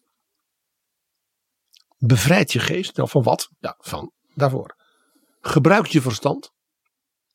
En dan seek truth from facts. Seek truth from facts werd het motto van het bewind van de oude Deng Xiaoping in die decennia dat hij daarna China heel licht van achter de schermen regeerde. Dus het, het communisme, de ideologie, maakte eigenlijk plaats voor een groot deel voor pragmatisme. Feiten. Ik ga nu iets heel ondeugend zeggen. Wat zei Mark Rutte in zijn speech anders? Seek truth from facts. Luister naar deskundigen. De feiten. Analyseer. En ja, use their heads. And look to the future together. Maar dit is kenmerkend ook voor Deng Xiaoping. Anders dan bijvoorbeeld FDR of uh, LBJ. Geen grootse formuleringen. Ja, meeslepend. Heel kort, bondig, puntig. Je zal straks zelf, zelfs merken. Zelfs met enige humor. Een van de weinige communistische leiders die opviel door zijn eenvoud en humor in zijn taal. Je zag hem ook vaak lachend op foto's. En altijd met een sigaret. Hij is verschrikkelijk oud geworden, dus dat kan. Die speech van 13 december was helemaal geen toeval. Deng Xiaoping was een organisator. Veel meer dan een ideoloog. Dus die had dat voorbereid. In mei van datzelfde jaar was er een zeg maar, artikel gepubliceerd. Een soort wetenschappelijk uh, ideologisch artikel. In zeg maar, het blad van het wetenschappelijk instituut van de Communistische Partij. En dat werd ineens daarna, in de weken daarna, in alle officiële media afgedrukt. Als dit moet u lezen. Iedereen begreep dus, ah. En de titel daarvan Praktijk is het enige criterium om de waarheid te checken. Daar zit zelfs het woord praktisch van pragmatisme ook in. Exact. En het enige criterium. Niet een criterium, het enige om echt de waarheid te vinden. Ja. Seek truth from. Dus je moet als politicus, als bestuurder ook bereid zijn, uh, als beleid niet blijkt te werken, het te vervangen door ander beleid. Deng Xiaoping was de Jan de Koning van China. Als het niet kan zoals het moet, dan, moet, het, maar zoals het kan. Je weet mijn opvatting dat Jan de Koning een van de grootste politici van dit land is geweest. En dat blijkt nu maar weer. Seek truth from facts. Ja, practice is the only criterion for checking the truth. Dat was een koevoet in de ideologie en in de politiek van de samenleving van China. En die werd met kracht aangetrokken op die conferentie in die speech. Zo zei Deng Xiaoping in het vervolg van zijn speech dat te veel bazen in de partij en ook de leden, want die keken naar die bazen, zich hielden aan wat hij noemde book knowledge. Boekenwijsheid. Boekenwijsheid. Hij zegt ja, Marx heeft dat zo gezegd. Lenin heeft dat zo gezegd. Stalin. Mao. Dit was dus echt een oorlogsverklaring aan zijn eigen partij. Hè? En het is boekenwijsheid. En waarom doen ze dat? Omdat ze zelf niet willen nadenken. Ik moet ineens denken, ook toch nog even, PG, aan uh, bezoek wat ik twee jaar geleden bracht aan Cuba. En daar in een uh, provinciehoofdstad een bibliotheek bezocht, waar verder niemand aanwezig was, was midden in de zomer. Maar de, het oude mannetje bij de deur uh, vond het toch wel aardig om um, ons rond te leiden. En wat ik daar aantrof in de bibliotheek waren allemaal boeken vanuit de marxistische literatuur geschreven vaak aan het begin van de Cubaanse revolutie, maar ook vaak uit Europa, uit, Rusland, uit, uit China, overal afkomstig. Maar bijna allemaal uit begin jaren zestig. Waarin echt alle facetten van het leven vanuit marxistisch oogpunt beschreven werden. En ik dacht, oh wat een arme studenten die hier hun wijsheid vandaan moeten halen. Gelukkig stond er ook nog één klein kastje met uh, theaterteksten. En daar zat wel wat meer vrijheid in, had ik het idee. Maar, zeg maar voor de dagelijkse dingen kon je weinig nieuwe wijsheid aan die enorme pompeuze bibliotheek ontlenen. Vast een hoop van Bertolt Brecht. Book knowledge. En Deng Xiaoping gebruikt het als verwijt. Dat gedoet u omdat u niet zelf wil nadenken, zegt hij letterlijk. En waarom doen ze dat? Lees weer letterlijk vooruit de Engels To hang their flag in the wind. Dit is nou zo'n typische Deng-uitdrukking. Zo heel eenvoudig. Iedere Chinees begrijpt het. Zijn vlaggetje in de wind hangen. Waar komt de wind vandaan? Oh, dan ga ik dat zeggen. Ja. Wat nu trouwens vaak ook het verwijt is aan politici. Hè? Ze laten peilingen doen en dan gaan ze dat ook zeggen. En dit was je vlaggetje in de wind hangen. Want elke keer was er weer een nieuwe politieke lijn uit Beijing. Dan had Mao weer een gedicht geschreven. En dan moest alles weer anders. En Deng zei dus, daar gaan we mee stoppen. hij zei, zolang wij dat doen, to hang our flag in the wind, wordt China nooit een modern en machtig socialistisch land. Dat was een tweede ding. Hij bleef dus zeggen, ik wil een machtig socialistisch China. Maar een modern machtig socialistisch China. Dus hij ging het nieuw interpreteren. En hij zegt, daar heb je iets voor nodig. En dat is een ander beleid. En daar had hij de term, hij was ook heel goed, hè, dus in die korte formuleringen, Gaige Kaifang. Hervorming en openheid. Perestroika en glasnost. Ja.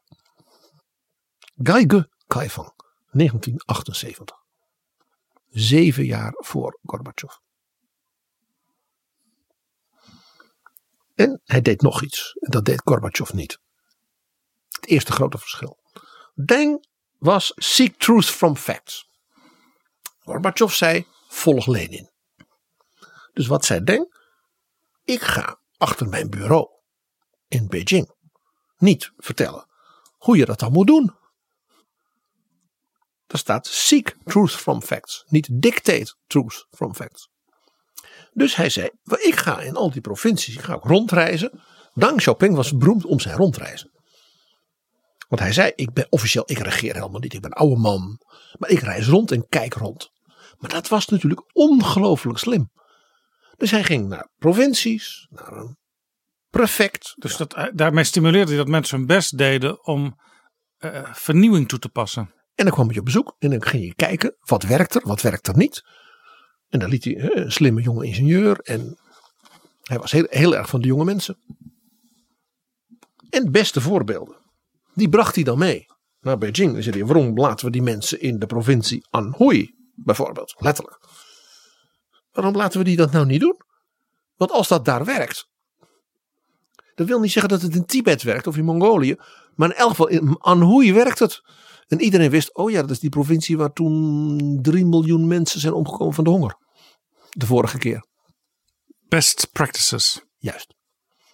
Dus de provincie Sichuan en Anhui, ik noemde ze niet voor niks, die werden op die vergadering daarna, waar dit dus een voorbereiding op was, die speech, aangewezen als een soort het experimenteel gebied. Want wat ze daar deden was zo interessant. Dus geef ze de ruimte. Ga dat niet vanuit Beijing zitten ideologisch analyseren. En als ze het niet goed hun best doen, naar een strafkamp sturen. Wat dus daarvoor gebeurde. Dus toen ontstond er iets, dat vond uh, Deng Xiaoping prachtig. Dat heette het Household Responsibility System. Het klinkt heel erg CDA. Het huisgezin verantwoordelijkheidssysteem. Wat dat was, was dat elk boerengezin kon tegen de kolgozen, zouden wij zeggen, de landbouwcommune van Mao, zeggen: mag, mogen wij dat stukje land van de commune combineren met dat stukje wat ooit van ons was, en dan gaan wij dat, dat verbouwen. En dan maken we een contract met jullie dat wij dat aan jullie leveren. En wat we meer doen, dat mogen we dan ook aan mensen die zeggen: Oh, dat vind ik wel lekker verkopen. Oh ja. Dat mocht. Van Deng. In Anhui. Je begrijpt, het effect was natuurlijk een revolutie op het platteland. En Deng zei: Nou ja, kijk, als die mensen dan toch bezig zijn. Wij moeten niet vanuit Beijing jaarlijks of vijfjaarlijks zo'n plan maken van zoveel landbouwmachines. Die worden daar gemaakt. En die, hè, wat je ook bij in de Sovjet-Unie dus fout zag gaan. Ook onder Gorbachev. Hij zei nee hoor. Hij zei laten die boeren maar zelf hun spullen repareren. Heel echt praktisch. Waarmee dus ook een dienstenmaatschappij ontstond. Er ontstond op het platteland dus slimme reparaties het soort landbouwmachines dat ze daar nodig hadden en niet 100 kilometer verderop.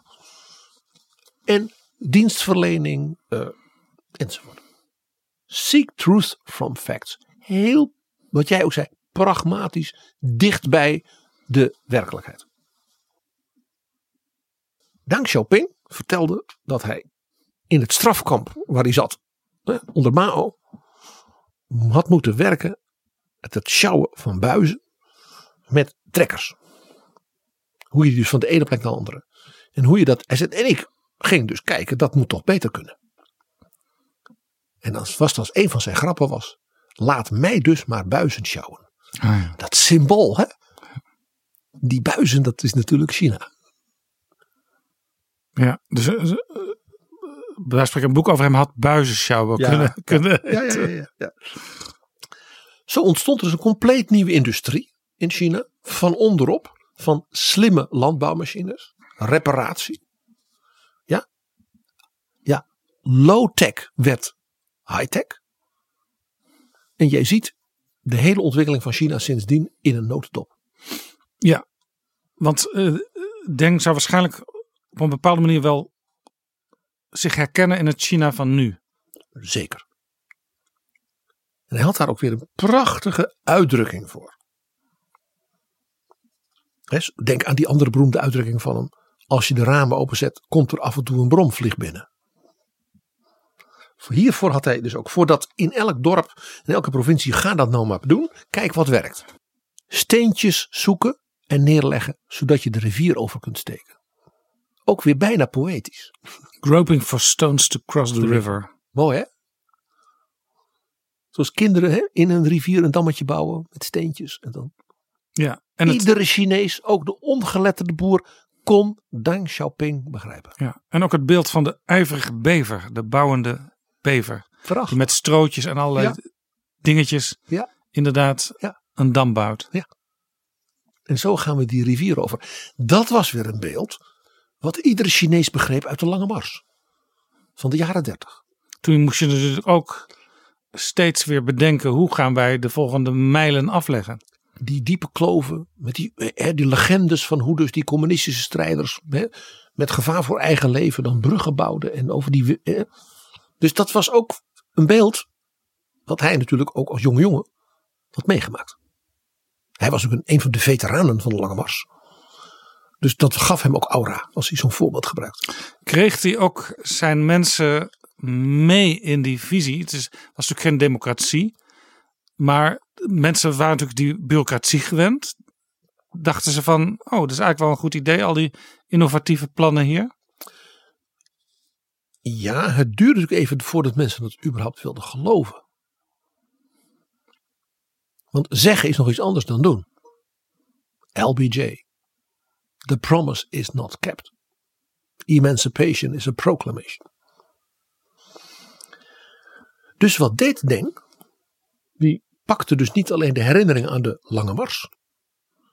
Maar die zei ook, de vier moderniseringen van China, die gaan wij nu waarmaken. En iedere Chinees, ja, dat is een codetaal van ons. Iedere Chinees begreep het. Dat was, dat was, dat was Chu Enlai, de, de premier. De premier van Mao, die in 64 toen Mao zeg maar op het dieptepunt van zijn macht was. Dus zoveel ruimte had, dat hij een hervormingsprogramma voorstelde. Dat heette de vier moderniseringen. Jaap, let even ook op de psychologie van Deng Xiaoping hier. Dit was een plan uit 1964.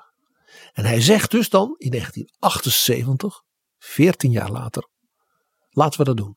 En dat plan was bedoeld voor 15 jaar. Dus iedereen begreep, als we dit toen hadden gedaan, hadden we nu er zoveel beter voor gestaan. Ja, dus ze konden zich eigenlijk wel voor de kop slaan. En ook zeggen, dit heeft dus legitimiteit. Want dit komt niet alleen uit de Lange Mars, maar ook van de vereerde Zhou Enlai. Daar bouwt hij op voort.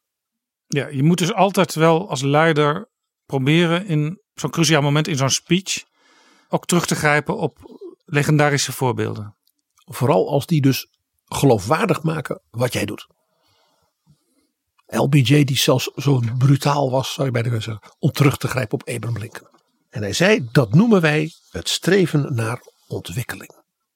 Dus een heel droog, niet ideologisch woord. China moet worden ontwikkeld. En dat was heel bewust een dubbele betekenis van het woord. Dat bedoelde niet economisch, technologisch, landbouw. Maar er was nog iets en dat was zijn ding, zijn droom, het onderwijs. Dus ook geestelijke ontwikkeling. Nadrukkelijk. Emancipate their minds. Weet je nog dat hij dat tegen ze zei? Use their heads. Seek truth from facts. En dat, dat moet je dus ook doen op school en overal. En het heel interessant is, voor deze topconferentie waar hij die speech hield, organiseerde hij nog iets anders. Een jaar eerder, augustus 1977. Hij was dus net terug, zeg maar, als de nieuwe machthebber. Toen organiseerde je een forum van zeg maar drie, vier dagen in Beijing. Waarbij hij de absolute top van de Chinese wetenschappers, universiteitspresidenten, mensen uit het onderwijs, naar Beijing haalde. Dan wist dus ook iedereen als je voor een meerdaagse top wordt uitgenodigd, daar gaan beslissingen gedaan. Daar gebeurt iets. Sterker nog, hij zat die bijeenkomst zelf voor. Nou, als je een duidelijker signaal wil hebben in een communistische dictatuur dan dit, dat is er niet. En die zei, wat kunnen wij doen om dus die ontwikkeling van China, hè, dus die dubbele betekenis van het woord, een boost te geven. Want we hebben dus nu een periode gehad dat miljoenen Chinezen, geleerden, docenten, onderzoekers, ja, in strafkampen zaten. En tientallen miljoenen jonge Chinezen niet kunnen lezen en schrijven, want die hebben helemaal geen school gehad. Wat gaan we nu doen? Ik heb geloof ik alles verteld. Hè, dat Deng Xiaoping als 15-jarige, omdat hij zo goed kon leren, op een boot werd gezet met nog 200 andere Chinezen die allemaal wat ouder waren dan hij, waaronder Zhou Enlai, zijn leermeester, om in Frankrijk te leren. En dat hij daarom, dat hij zo heel klein was, zijn geld verdiende in de mijnen. Ja. Dit was dus de droom van zijn jeugd. En hij zag nu dat, dat dus uh, uh, 60 jaar later de jeugd van China dus analfabeet was. In een land dat beweerde wij zijn de absolute top. Ja, met Mao. Ja. Dus dat moest worden aangepakt. Dus dan heeft hij aan die mensen advies gevraagd. En heeft gezegd, nou wat we moeten gaan doen. Wij gaan herintroduceren. De Gaokao. Het Centraal Nationaal Toelatingsexamen tot het hoger onderwijs. Voor iedere student Voor iedere leerling die zegt van ik durf het aan. Ik heb ontzettend mijn best gedaan. in Ja, school. ja, door Mao was dat hele systeem afgeschaft, ontheiligd in feite. De laatste keer dat dat was doorgevoerd was onder Zhou Enlai in 1962. En daarna was dat dus geblokkeerd geweest door de aanhang van Mao. Dus je kon alleen naar de universiteit als je het juiste Maoïstische eh, politieke kader had. En Deng Xiaoping zei, we gaan dus nu gewoon weer een toelatingsexamen. Laat zien wat je kunt. En haal je de punten, dan mag je, ga je studeren. En wat je vader nou deed en of je opoe in een strafkamp heeft gezeten. Doet er niet toe. Nee. Merit. Kwaliteit is wat telt. Vier maanden daarna. Je ziet ook hier weer een old man in a hurry. Was dus dat eerste nationale examen. Dat is dus echt heel snel voor begrippen van die tijd. Ongelooflijk.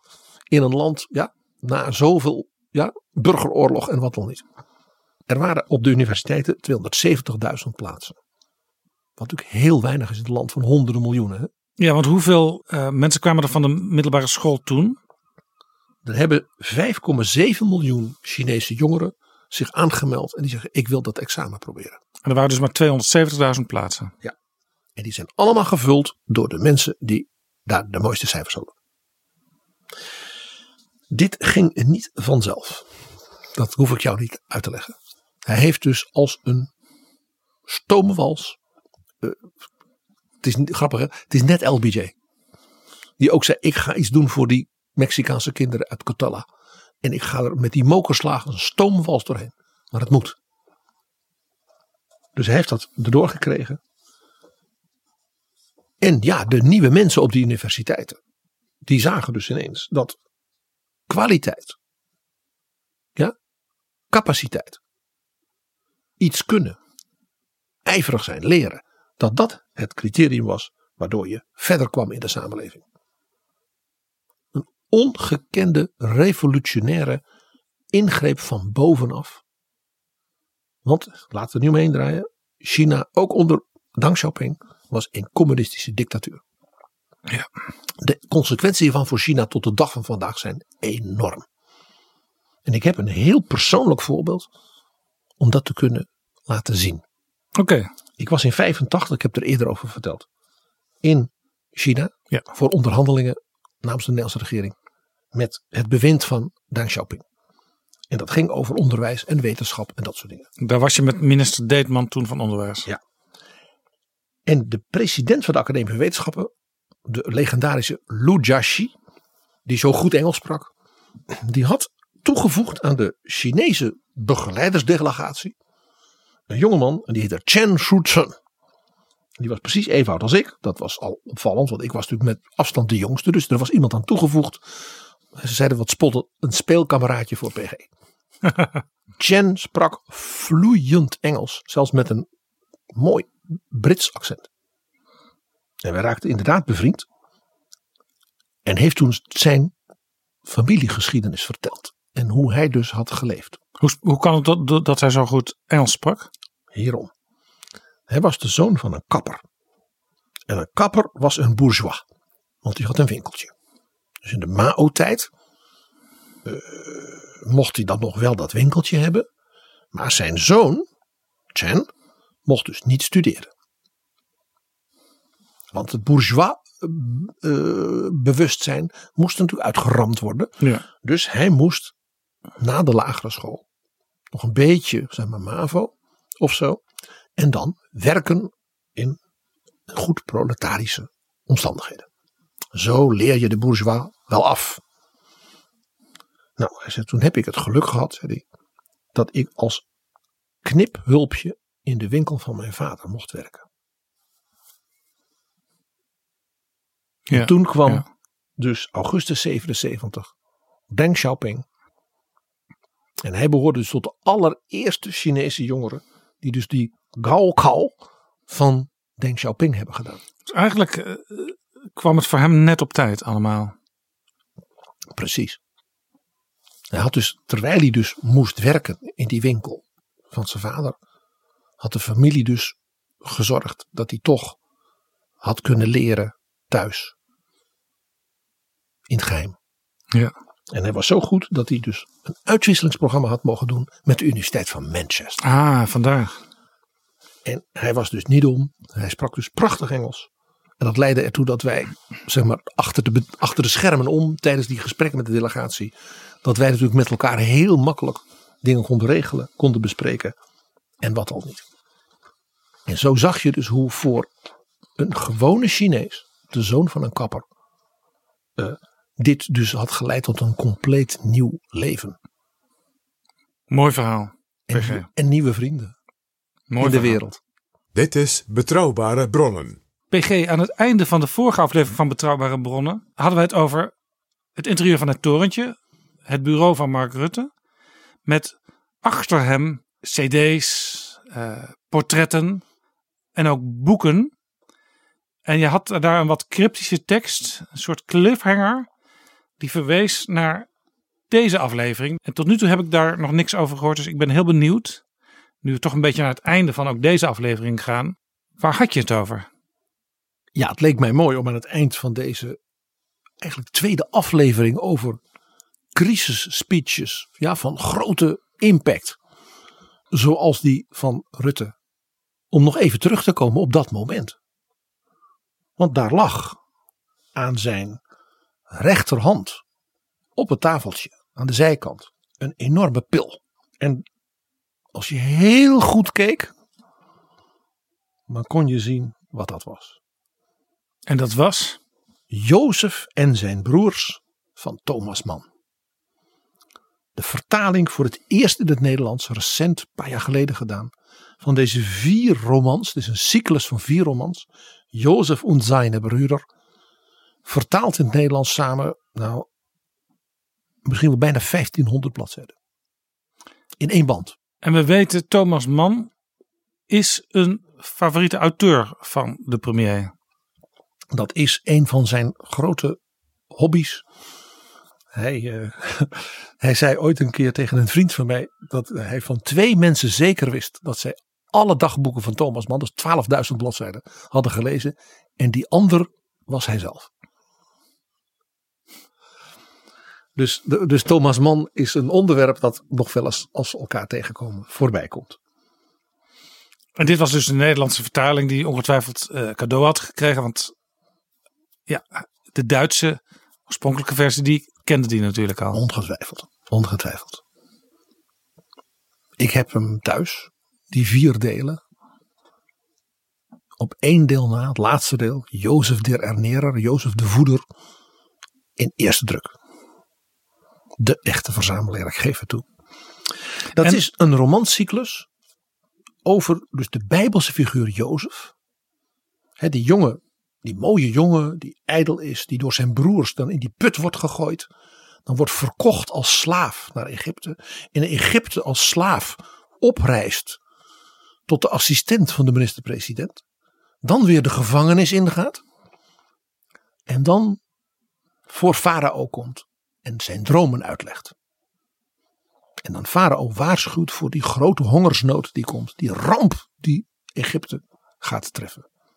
En Farao maakt hem dan onder Farao, dus de grootvizier. En hij regelt dus een soort organisatie om de honger te voorkomen en dat lukt hem. En zijn broers die hebben natuurlijk honger, die komen dan als bedelaars uit, hè, uit Palestina naar Egypte. Is er eten?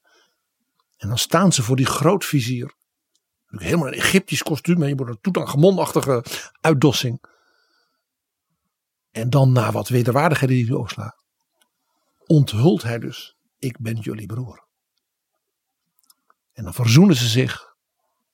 En dan ziet hij zijn oude vader Jacob nog één keer. En dat is het eind van het verhaal. Heel mooi. Maar wij hebben het in deze aflevering over historische toespraken. Ja, want, want nu wordt het interessant. Terwijl Thomas Mann schreef aan het laatste deel van die vier van de Jozef-romans. Jozef de Voeder. Dus dat is die hongersnood en dat die broers hem dan herkennen. Of hij zich aan hen openbaart. Zat Thomas Mann in Amerika. Hij was gevlucht voor het naziregime. Eerst in Zwitserland, daarna in Amerika. Eerst in Princeton Universiteit, daarna in Pacific Palisades, een hele chique buitenwijk van Los Angeles, even boven Malibu. Thomas Mann is zijn hele leven heel rijk geweest, dankzij zijn boeken. En tijdens die ja, ballingschap, waarbij hij schreef en schreef en schreef, deed hij nog iets. De BBC vroeg hem of hij het Duitse volk wilde toespreken. Elke maand één keer. In het Duits. En dat zouden ze uitzenden op de lange golf. Zodat ook de Duitsers die ze hebben een radiootje hadden dat ze dan wel mochten hebben. Stiekem Thomas Mann konden horen. Dus elke maand sprak hij acht minuten. Hij kreeg eerst vijf. Hij heeft toen zo geklaagd. Want zijn zinnen waren heel lang. Dat het uiteindelijk acht minuten werd. Hij was natuurlijk de beroemdste schrijver ter aarde op dat moment. Zo zie je, PG, het kan ook in acht minuten. Als je Thomas Mann bent. Zeker, het kan. In dit geval, het moest. En hij heeft dus gedurende de hele Tweede Wereldoorlog vanuit Amerika via de BBC in Londen het Duitse volk toegesproken. Ergens halverwege is hij tijd gestopt omdat hij het psychisch gewoon te zwaar vond worden. Hij moest natuurlijk elke maand weer een onderwerp en hij had het gevoel ik krijg natuurlijk nooit brieven van luisteraars wordt het niet gewoon zo gestoord ja, door Goebbels een uh, radio uh, jamming. Misschien dat wel niemand luistert. En hij werd ook niet gevoed door het dagelijks leven in Duitsland. Hij miste natuurlijk de Duitse taal. Hij miste niet Duitsland. Hij had het enorm naar zijn zin in Californië. Maar hij miste de Duitse taal. Dus de cultuuromgeving, de opera, de discussies, de, het toneel. De, de, de, de dagelijkse feuilleton bijlagen van de Frankfurter Allgemeine Zeitung over kunst en cultuur. Hij twijfelde dus, wordt wat ik zeg wel gehoord in Duitsland? En werkt het? Maar dat was, dat was zo hè? Ja. Het werkte echt. Ja. En hoe weten wij dat? Dat weten wij natuurlijk door dagboeken van mensen. En we weten dat mensen die toespraken van hem op vloeipapiertjes, zeg maar, van, voor de check schreven. En ze dus van hand tot hand gingen. Met gevaar voor eigen leven. Maar ja, niemand kon hem dat vertellen. Dus de BBC zei ja, maar we horen via de geheime dienst. Dat was natuurlijk om hem aan te moedigen. Ja, dat kun je nooit controleren natuurlijk. Die toespraken van hem, acht minuten, dat was natuurlijk Thomas Mann, gebeeldhouwd Duits. Hij was natuurlijk de plaatsbekleder van Goethe op aarde. Dat was geen eenvoudig Duits. Dat waren zeer krachtige zinnen en opmerkelijk emotioneel. Hij geestelt Hitler ook als persoon. Uh, hij, hij verfoeit ja, het regime, mensen als Goebbels. Hij bespot ze, ook heel opvallend. Uh, maar bittere spot. En hij waarschuwt de Duitsers al door weer. U bent, ja, mijn volk. U bent mijn landgenoten. U bent van mijn cultuur. Van Goethe, van Schiller, van Humboldt. Ja. U weet beter. U weet wat voor onheil u over de wereld afroept. En dus ook over Duitsland. Ja. Want één ding had hij dus gemeen met koningin Wilhelmina. Een volstrekt onverwoestbaar geloof in de eindoverwinning. En hij heeft uiteindelijk 55 gehouden. 55 van die speeches. 55 speeches. En die zijn natuurlijk gebundeld. Op twee manieren. Eén, ik heb hem hier bij me. Ja, je ziet hem voor je liggen. Ik heb de eerste druk. Deutsche Hörer. Deutsche Hörer. Duitse luisteraars. Zo begon hij altijd.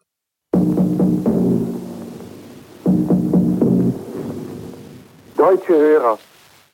Dan wist men ook onmiddellijk Thomas Mann. En zijn uitgever, die zat natuurlijk in Stockholm, dat was neutraal, heeft meteen na de bevrijding die 55 redenvoeringen gebundeld tot het boek Deutsche Hörer. Zodat dat kon worden uitgedeeld, ook door de Amerikaanse zeg maar, censuur ja, van het leger in Duitsland. Voor die mensen die het misschien niet hadden gelezen. Eigenlijk als een soort ja, uh, uh, bijdrage aan het geestelijk gezond weer maken van de Duitse cultuur. Ja, want uh, veel Duitsers die zich hadden laten meeslepen, die waren natuurlijk radeloos toen de oorlog voorbij was. Ja, ook. Maar ook een heleboel mensen die niet, zeg maar, die geen verschrikkelijke naties waren. Maar ze iets hadden, alles is stuk. Ja, maar men, ook, men, maar, men maar, had dus geen, geen ook, oriëntatie. Ja, maar wat ik eigenlijk bedoel is ook wel misschien twijfel aan uh, de eigen Duitse cultuur. Van dit is allemaal voortgekomen uit, uit onze cultuur. Uh, kunnen wij nog wel vertrouwen? Kunnen wij nog wel teruggrijpen op alles wat ooit was? En dan kan natuurlijk eh, zo'n bundel van 55 toespraken van iemand die heel diep heeft nagedacht over alle elementen van zeg maar het Duitse wezen. En die ze allemaal kenden. Dan kan dat helpen om alles ja. te verwerken. Dat is een thema in, nou zeg maar 50 van die 55 uh, radiotoespraken. Dat is dat de Duitse cultuur zichzelf zal moeten redden. Hij is daar heel scherp in. Hij zegt, hij zegt u zult uzelf moeten redden. Wij ballingen kunnen het niet doen. Maar ook de legers van Stalin en van Roosevelt kunnen het niet doen. En Churchill kan het niet doen. Dus hij heeft eigenlijk vijf jaar lang opgeroepen tot een soort opstand van de Duitsers. En die kwam niet. En dat was het moment toen hij merkte dat, dat hij dacht, men luistert niet naar mij. Ik, hoor, ik krijg niks terug. Ze zijn misschien wel voor eeuwig verloren. Ja, geestelijk. Ja. Daarin de verbinding dus met Wilhelmina. Het is een geestelijke strijd. Waarvan ik zeker weet dat, die zal, dat wij die winnen. Maar wat dan? Ik wil twee van die toespraken. Ook als gebaar, een saluut aan de Thomas Mann kenner en lezer. Mark Rutte. In deze zware weken. Even naar voren. Ja, hij krijgt dus heel veel ingrediënten al voor misschien nog wel volgende televisietoespraken. Wie weet, wie weet. De eerste is een, misschien zelfs wel extra saluut aan de minister-president van dit land. Want dat was zijn toespraak van januari 1942. En om een idee te geven, even de context. Op dat moment, in december 41, dus de maand daarvoor, waren de legers van Nazi-Duitsland gestrand voor Leningrad en Moskou. Die beide steden vielen niet. Ze hadden dus heel Rusland veroverd, de Baltische landen, Wit-Rusland, ja, tot aan de grens bij Moskou, de hele Oekraïne. Dat was allemaal, maar Moskou was niet gevallen. Ja, daar, de daar, Blitzkrieg was mislukt. Ja, dus voor het eerst was, waar, wa, was de nazi's een halt toegeroepen aan de oostkant. Ja, maar ze stonden natuurlijk wel nog steeds voor de poorten van die steden. Maar het idee met een blitzkrieg en we nemen het in en alles stort in. Dat was mislukt. Natuurlijk bij Engeland. Maar was nu ook mislukt aan het oostfront. Ja, dus en, de grens was bereikt. Ja, althans dat was dat moment. En Thomas Mann heeft dus toen in december, ze hebben rond de kerstdagen ook gezegd. Beseft u Duitse volk wat dit betekent? U gaat nu een derde oorlogswinter in 39, 40, 41 zonder overwinning. Heel hard hè? Want die vorige, Engeland, lag niet op zijn gat. En nu, Stalin staat nog. Besef wat nu. Dus hij deed toen ook weer een vlammende oproep. Als u er een eind aan maakt, dan is de Duitse eer en de Duitse cultuur gered. En de maand daarop begint zijn speech, januari 42. En dan spreekt hij over een stad waar hij van houdt en een land waar hij van houdt. En met gruwelijke details. En die stad is Amsterdam. Amsterdam. En dat land, dus dat noemde hij Holland. En hij vertelt dat hij uit zeer goede bron heeft doorgegeven gekregen in Los Angeles. Dat in Amsterdam en in andere steden in Nederland vele gezinnen diep, diep ja, bedroefd zijn en, in wanhoop. Omdat 400 jonge Joodse mannen uit die gezinnen zijn weggevoerd. Om gebruikt te worden als proefkonijnen voor beter gifgas. Die Nachricht klinkt unglaubwürdig, aber meine Quelle ist gut. Dus dit betekent ook dat hij dat op dat moment kon zeggen op basis van bronnen die hij had. Dat het wir haben es nicht gewusst, in ieder geval vanaf dat moment, niet meer klopte. Dan hebben we het dus over januari 1942. Dus het gevoel, dit past bij dit regime, dit, kan, dit klopt. Ze, die mensen die worden gebruikt voor gasexperimenten. Dat klopt natuurlijk niet en detail. En hij wist niet van Auschwitz, maar hij wist in zijn hart, dit doen ze. Ja, ze zijn tot alles in staat. Hij had daar ook een typische Thomas Mann formulering voor. Hij zei, het natiebewind is die revolutionaire filosofie des bestialismus. Van dat mensen beesten worden. Dus de revolutionaire filosofie van de beestwording van de mens. Ja, alleen een natuurlijk grandioos geromancier kan sowieso formuleren. En dan zegt hij, dit is de waarheid. En dit gebeurt in naam van de Duitse cultuur en het Duitse volk. En dan zegt hij in die speech, dat is echt ongelooflijk als je de geschiedenis van nadien je voor de geest haalt. Hij zegt het Duitse volk zal zichzelf hiervan moeten bevrijden. Want de nederlaag van Hitler komt onvermijdelijk. De eindoverwinning van Wilhelmina. Ja? En dan zegt hij, ik lees dit even voor in Duits. Want dat is zo ook geconcentreerd qua formulering. Daar zijn wij Nederlanders helemaal niet zo goed in. Eine Reinigung, Bereinigung und Befreiung muss und wird stattfinden. Sie muss, sage ich, und sie wird stattvinden. En waarom? Opdat het Duitse volk de mensheid weer in de ogen zal kunnen kijken en met een gebaar van vrijheid de hand van verzoening kan reiken. Januari 1942. Profetisch. Dit, ja, dit soort dingen zijn ook zo mooi als je ze kunt teruglezen en terughoren met de kennis van nu. Om maar eens een cliché te gebruiken. Ja. Want de Duitsers hebben uiteindelijk hun ziel teruggevonden. Reinigung, bereinigung en ze zijn inmiddels al vele jaren een kernland in Europa. Uh, waar we ook uh, door gestimuleerd worden in, in vele opzichten. Thomas Mann kon het niet weten. Maar hij had het hier natuurlijk over Konrad Adenauer. Om eens iemand te noemen. Duitsland heeft die kans gekregen en genomen.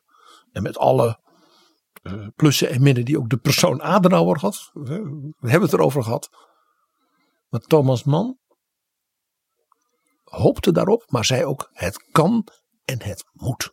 Ja, ze gebeuren. Hebben, ze hebben, Duitsland moet het zelf doen.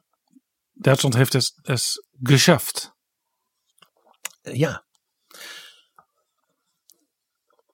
Omdat wij natuurlijk binnenkort ook de meidagen van 1940 en die van 1945 herdenken. En laten we hopen dat onze samenleving dan weer er zo aan toe is dat we dat ook weer met z'n allen kunnen doen. Misschien wel met Angela Merkel. En misschien wel met Angela Merkel. Dat zou denk ik ook voor premier Rutte een absoluut hoogtepunt in zijn premierschap zijn. Wil ik ook voor onze luisteraars heel bijzonder, de laatste radiorede van Thomas Mann. dat grote voorbeeld van Mark Rutte. Tot het Duitse volk laten horen. En die heeft hij gehouden op 10 mei 1945. Dus dat was twee dagen na de capitulatie van Hitler-Duitsland. En dat is een ongelooflijk verhaal opnieuw. Ja, het was dus het moment dat de Tweede Wereldoorlog voorbij was. In Europa. Goed om dat erbij te zeggen. Zeker. Twee dagen dus na de capitulatie van Nazi-Duitsland. Ja. Vijf dagen na de bevrijding, de capitulatie van de nazi-troepen in de Randstad. Dat ging met horten en stoten. Denk maar aan uh, de beschieting op de Dam in Amsterdam. Precies. Thomas Mann sprak toen en hij was bitter. Geen triomfantelijke toespraak van ik had gelijk, zie je wel. Nee, het is, het is, je hoort het bloed ja, van zijn hart voor Duitsland bloeden. Want het was zijn volk, het was zijn cultuur. En die opstand waardoor de, het men zich had bevrijd van dat nationaalsocialisme was dus niet gekomen. Hij was dus bitter naar het Duitse volk. En hij was ongekend hoopvol. En dat maakt die laatste toespraak zo uniek.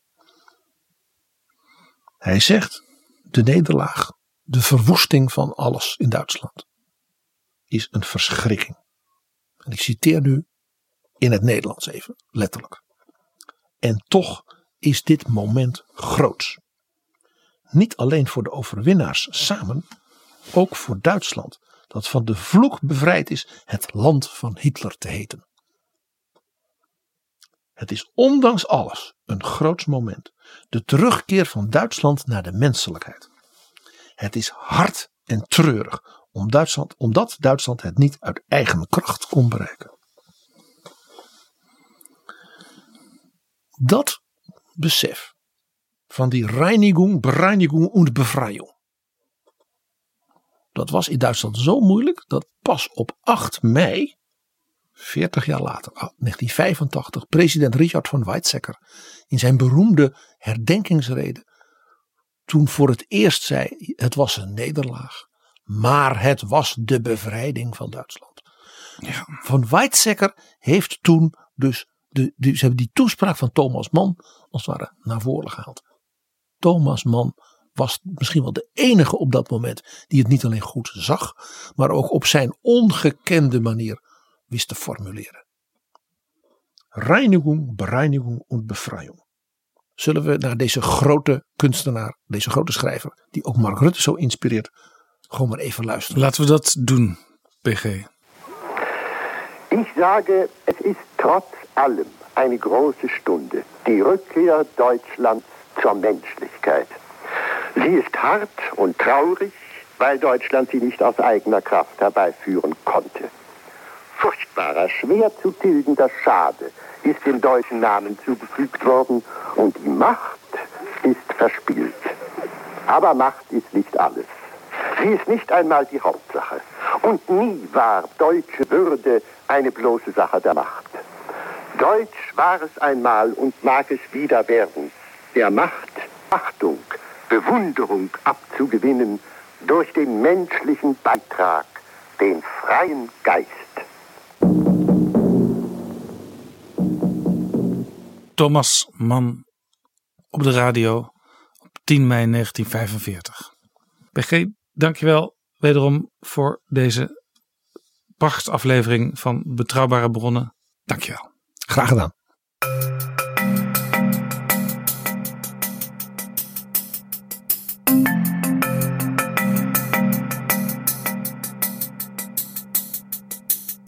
Zo, dit was Betrouwbare Bronnen aflevering 95. Vond je hem interessant? Geef ons dan, als je wil, een waardering op je podcast app of bijvoorbeeld op Twitter of Facebook. We hebben trouwens ook een pagina op Facebook. Deze aflevering is mede mogelijk gemaakt door We Nederland. Tot de volgende keer, hou je haaks en help elkaar een beetje. Ik heb gezegd. Geachte luisteraars, wij danken u voor uw aandacht. Betrouwbare bronnen wordt gemaakt door Jaap Jansen in samenwerking met dag en nacht.nl.